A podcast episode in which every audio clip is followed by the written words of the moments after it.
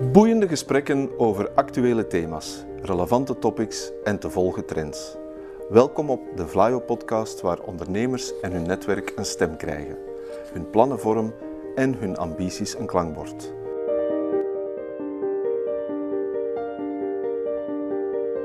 To the point waar het kan, dieper gravend waar het moet. Inspirerend, informerend, ondersteunend. Van artificial intelligence, blockchain en circulaire economie tot digitale zorg. Wij knopen het in jouw oren.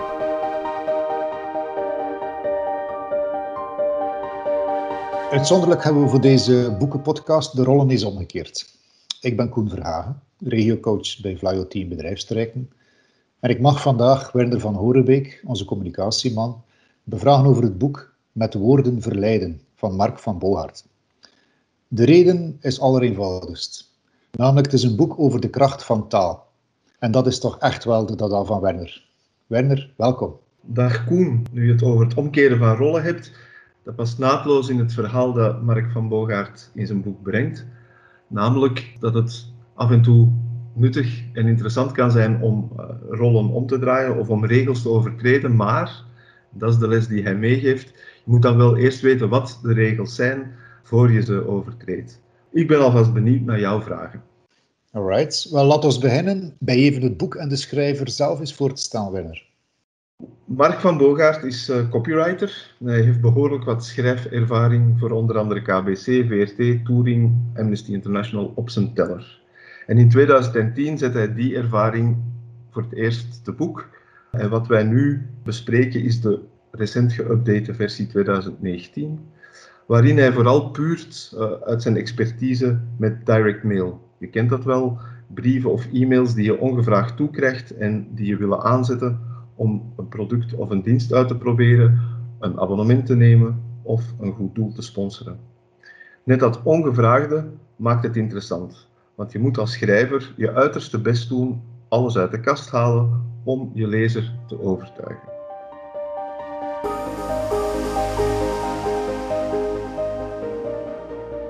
Dus als ik het goed begrijp, Werner, is een boek boordevol schrijftips.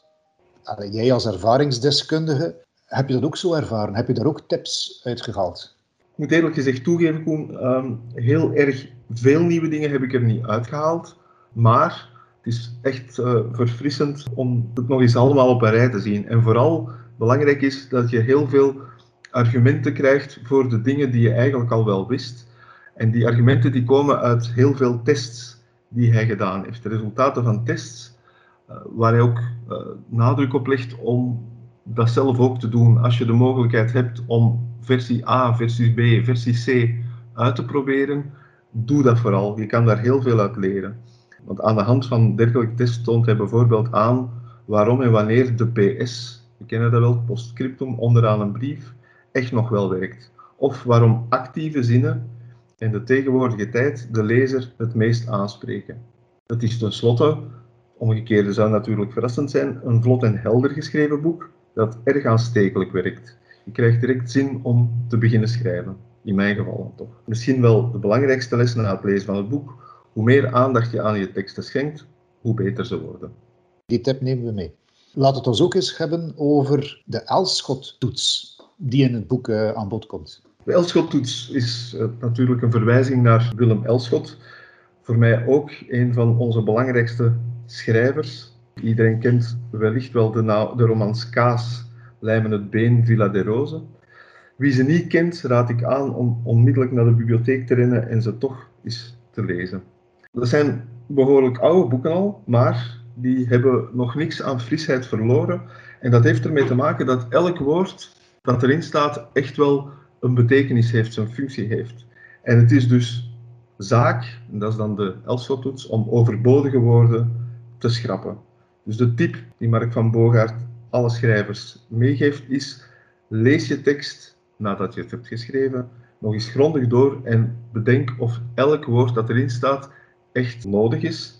En als het niet nodig is, schrap het dan onverbiddelijk. Want als je dat doet, worden je teksten gegarandeerd gebalder, meer to the point en je lezer zal er je alleen maar dankbaar om zijn. Mooi. Wel, naast de, de Elschot-toets was er nog een ander woord die, die toch bij mij absoluut is blijven hangen. Vind ik trouwens een zeer mooi woord. Het is ook een woord die tot de verbeelding spreekt. Hè. En mm -hmm. dat was het woord prikkeldraad. Prikkeldraadwoorden. Wat, wat zijn dat juist? Dat zijn woorden waar je best uit de buurt blijft. Dat zegt het ook, het woord. Hè. Want je kan je als lezer er alleen maar achter blijven haken. En als je niet oplet, dan schram je eraan en doe je je pijn. Voorbeeld van zulke prikkeldraadwoorden zijn kosten, probleem, klacht, betalen. Volledig negatief geladen woorden, waarvan goede schrijvers met een wijde boog eromheen lopen. Een trui die 50 euro kost, die wil niemand. Een trui die je voor slechts 50 euro kan meenemen of krijgen, is een voltreffer. Dus die prikkeldraadwoorden absoluut vermijden.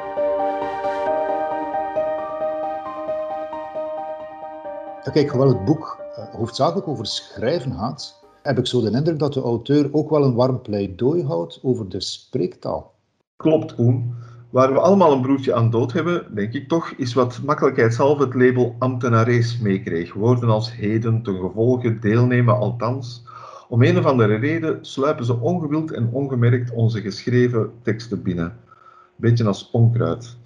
Terwijl er perfect begrijpbare en betere alternatieve synoniemen zijn. Voor het heden zou je vandaag of nu kunnen gebruiken, ten gevolge van vervang je beter door door. En met woorden uit de spreektaal sta je veel dichter bij je lezer, terwijl die moeilijkere officiële woorden net afstand creëren. Een goede tip is dan ook om, als je een tekst geschreven hebt, die even luid op voor te lezen.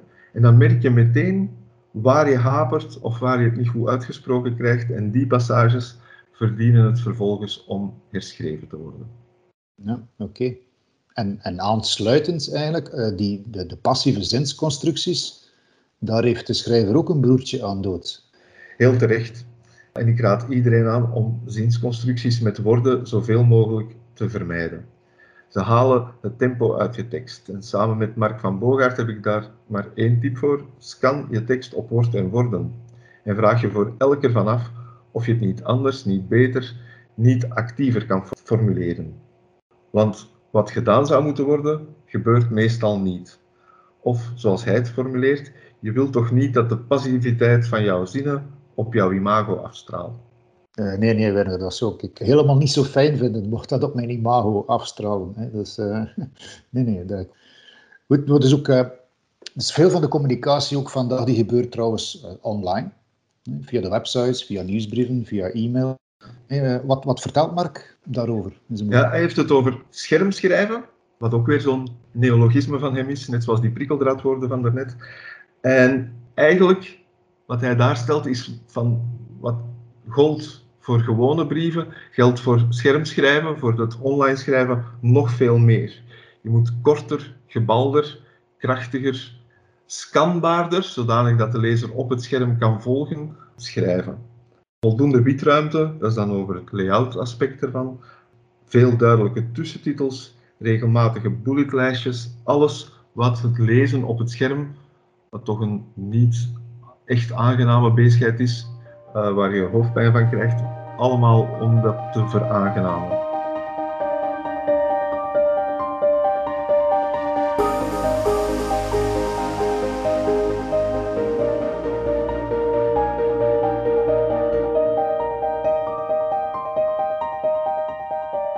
Ook iets, iets die mij ook uh, nauw aan het hart ligt. Dus ja, die PowerPoint-presentaties.